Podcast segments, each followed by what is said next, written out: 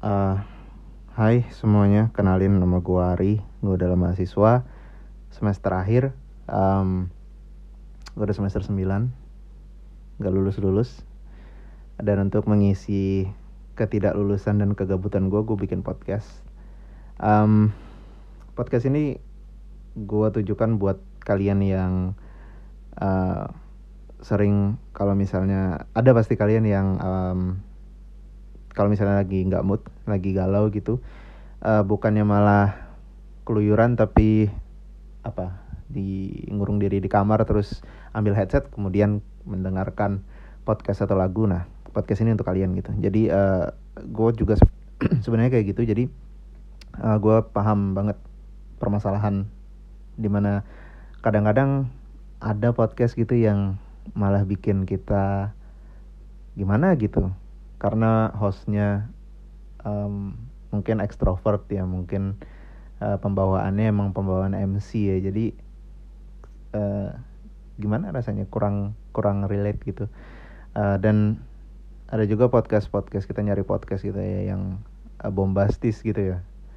Um, nah gue nggak mau identitas gue jadi kayak gitu. Gue mau pure aja seamatir mungkin. Um, just think that I'm your close friend gitu jadi gue uh, teman kalian ya nggak bisa juga sih dibilang teman. Gimana sih ya? Gue ada adalah orang yang um, bisa kalian anggap sebagai safe space ya podcast ini ya.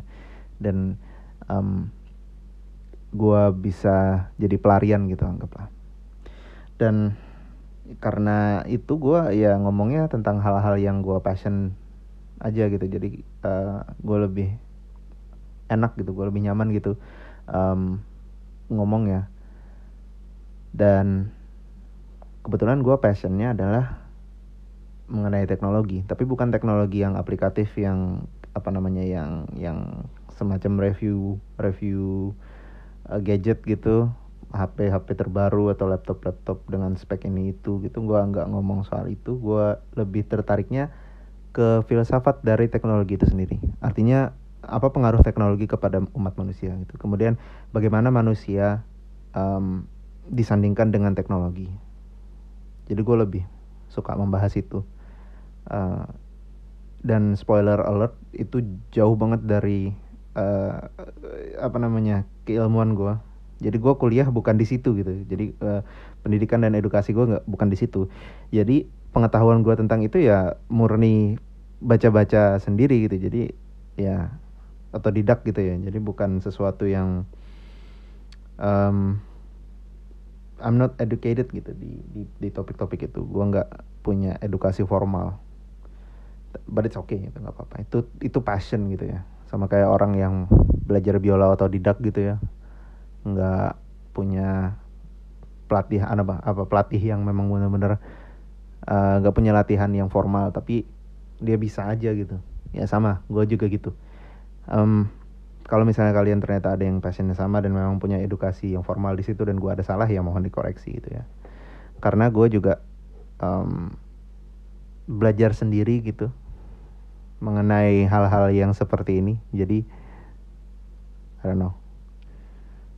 Um, itulah kenapa podcast ini dinamai artificial sadness ya. Jadi sadness di sini adalah bukan sadness sebenarnya ya, melankolis ya. Jadi gue mau membuat sebuah ruang lingkup yang melankolis untuk kalian yang mau apa namanya bercurhat ria atau apalah itu. Uh, untuk kalian yang cuma mau diam diam dan kemudian mendengarkan sesuatu um, dan gue mau bahas tentang teknologi jadi artifisialnya di situ. Um, langsung episode 1 apaan yang kita bahas ya? Uh, mungkin karena tadi kenalan konsepnya ya jadi gue bakal ngenalin pandangan gue mengenai alam semesta. Waduh, uh, ya sebenarnya mungkin agak asing ya pandangan ini karena gue punya pandangan agak agak sedikit berbeda gitu. Um, kalian tahu teori simulasi nggak? Jadi teori simulasi itu adalah teori di mana alam semesta dan semua hal yang ada di alam semesta itu terbentuk dari uh, simulasi gitu. Jadi kalau misalnya kalian pernah main game uh, The Sims gitu ya. Nah, kurang lebih kayak gitu. Uh, yang bedanya adalah kita sebagai pemain mengontrol karakter karakter-karakter di permainan itu ya ini ada suatu pengendali yang berada di luar kendali kita ada seorang administrator gitu ya yang membentuk sebuah simulasi dan di simulasi itu kebetulan kemudian ada ada kita gitu ada ada gua ada kalian gitu um, dan sebenarnya teori simulasi ini bukan teori saintifik ya, tapi lebih ke teologi, lebih ke filsafatnya. Karena kita nggak bisa membuktikan secara uh, secara matematis atau statistik keberadaan si administrator ini tadi. Uh, mungkin kalian yang kenal George Hotz, George Hotz itu adalah orang pertama yang pernah uh, yang menjailbreak iPhone Beliau adalah seorang teknisi, seorang uh, entrepreneur yang berbakat di bidang teknologi. Beliau sudah banyak kontribusinya. Salah satunya adalah mendirikan perusahaan namanya Koma AI uh, yang mengembangkan artificial intelligence atau AI. Ada juga Elon Musk. Kalian pasti tahu Elon Musk yang bikin perusahaan Tesla uh, dan juga menerbangkan roket, uh, mencoba untuk mendaratkan roket gitu ya. Kalau nggak salah namanya SpaceX yang juga kemarin melayangkan uh, mobil keluar angkasa jadi ya itulah seorang pebisnis uh, teknologiawan yang cukup cerdas kalau gue bilang. Nah mereka berdua itu mengusung ide yang sama mengenai teori simulasi ini dan mereka jauh lebih punya uh, jauh lebih punya posisi yang lebih kuat dari gue gitu untuk bicara soal um, teori simulasi dan mereka sudah mereka berdua sudah ada memberikan diskusi dan panel serta konferensi mengenai hal itu. Jadi mereka melakukan interview, mereka melakukan uh, wawancara dan lain sebagainya, talk show membahas tentang itu gitu. Jadi ketika gue denger uh, di podcastnya Alex Friedman ya antara antara dia dengan George Hotz, uh, mereka berdiskusi mengenai apa namanya apakah alam semesta dan kita semua ini adalah simulasi. Kemudian George House bilang ya mungkin ada kemungkinan bahwa kita itu adalah simulasi. Dan bagaimana kita membuktikan bahwa kita adalah simulasi gitu? Uh, bagaimana kalau membuktikan bahwa kita adalah um, susunan susunan dari makhluk hidup itu adalah kode gitu?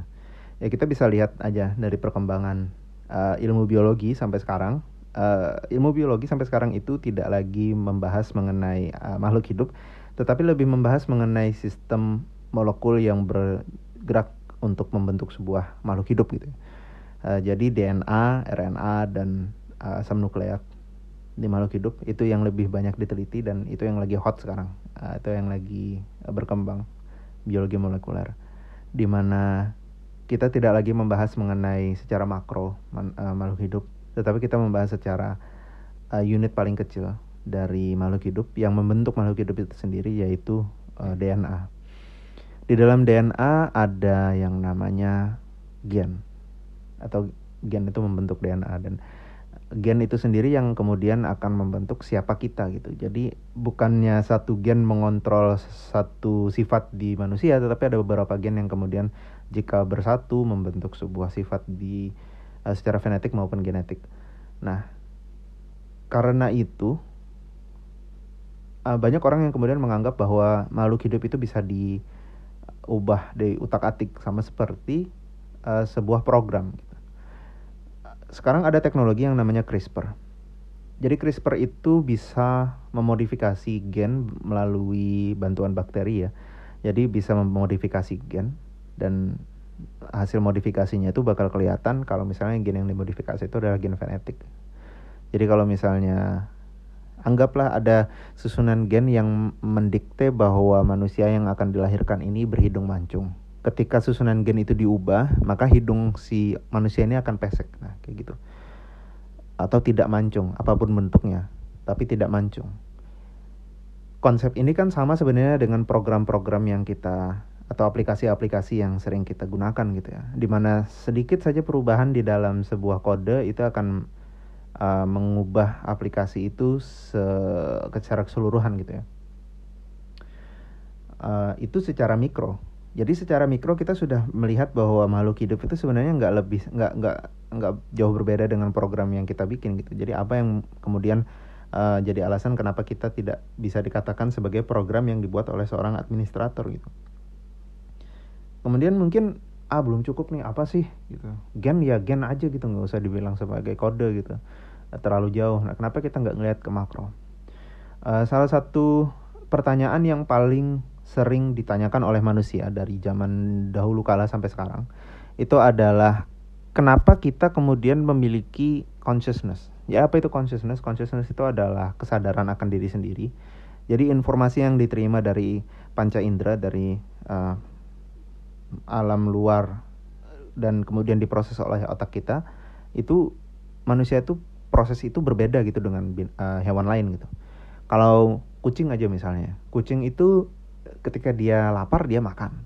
Tapi dia tidak menanyakan kenapa dia makan gitu ya. Jadi dia nggak menanyakan kenapa dia harus makan kenapa dia harus lapar gitu kenapa dia kemudian kalau lapar makan itu? Kenapa dia nggak makan rumput aja gitu? Jadi kucing nggak menanyakan hal-hal itu. Mereka mereka tuh kalau misalnya lapar ya makan aja. Berbeda dengan manusia. Ketika manusia lapar manusia kemudian akan bertanya kenapa aku lapar? Pasti itu. Manusia akan bertanya. Dan dari pertanyaan-pertanyaan itu muncullah yang namanya teori. Nah, teori-teori ini kemudian uh, jadi kesepakatan itu. Jadi ada kesepakatan bahwa manusia makan daging dan tumbuhan. Uh, ya memang uh, apa namanya fisiologi kita dan morfologi kita memang didesain untuk makan tumbuhan dan uh, hewan.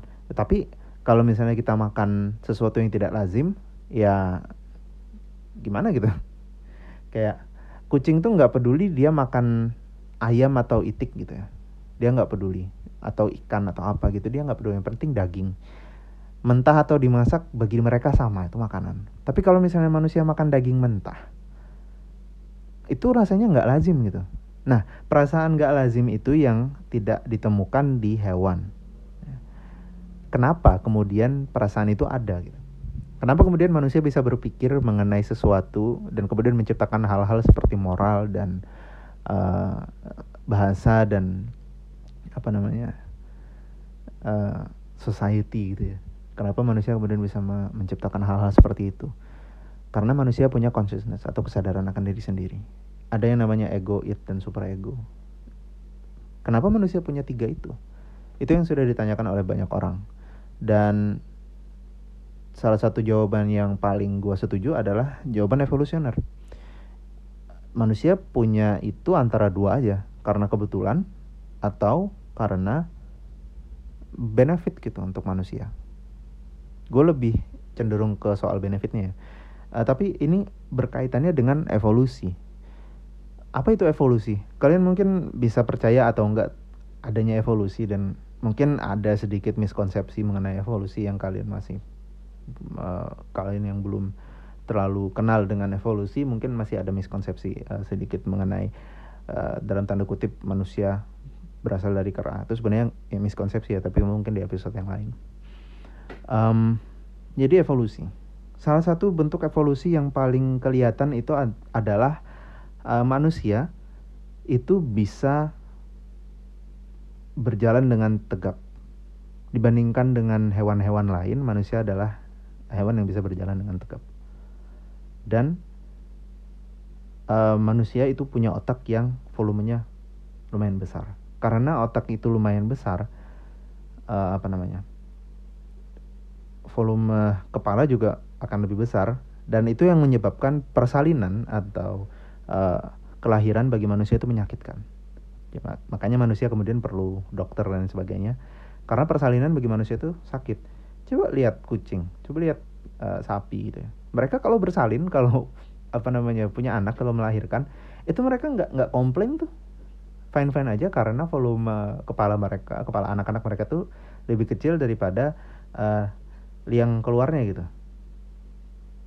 jadi kenapa manusia punya apa namanya hal-hal yang kemudian membuat persalinan mereka uh, sulit gitu padahal kan tujuan utama makhluk hidup itu adalah untuk uh, bereproduksi ya, untuk mem mempertahankan spesies mereka ya. Jadi kenapa manusia itu kemudian um, develop atau mengembangkan sebuah uh, keadaan di mana mereka ketika bersalin itu sulit gitu. Gue gue yakin itu untuk mengimbangi volume otak kita, di mana otak kita itu sangat berkembang sehingga kita bisa memikirkan dan mempertanyakan kenapa kita bisa ada, kenapa kita bisa diciptakan, kenapa kita bisa uh, berpikir gitu.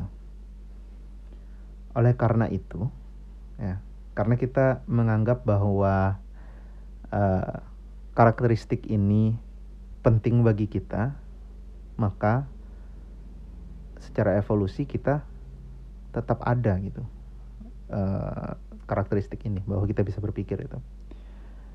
Um, tetapi karakteristik ini pasti munculnya itu tidak mungkin atas desain si manusia, pasti ada semacam elemen acak di situ atau randomness gitu.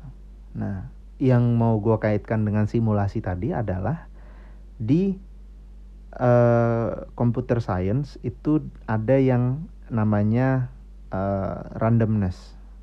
Gue yakin ada yang lebih paham mengenai ini. Jadi uh, sesuatu sistem itu acak dan uh, chaos theory kalau nggak salah. Jadi di fisika juga ada.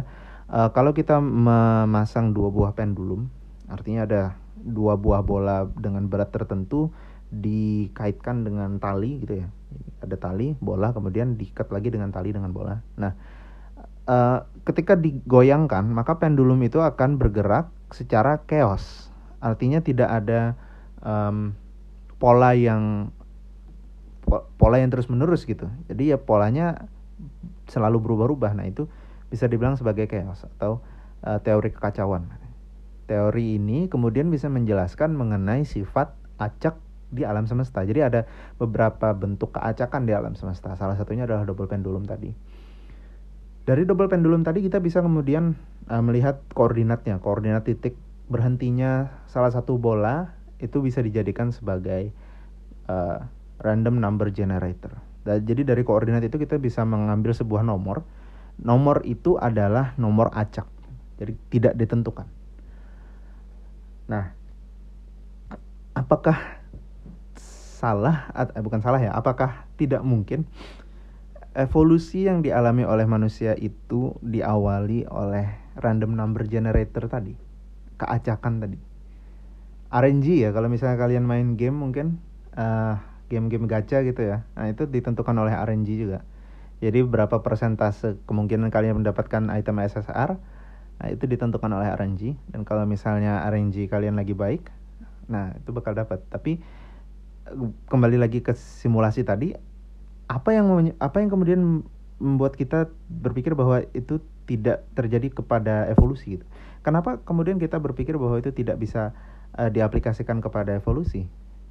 Bahwa sesuatu itu bisa terjadi karena acak itu tadi. Bahwa si administrator membentuk sebuah sistem di mana ada sistem acak tadi yang kemudian memberikan manusia uh, consciousness atau ke ke kebisaan untuk berpikir mengenai diri sendiri. Itu.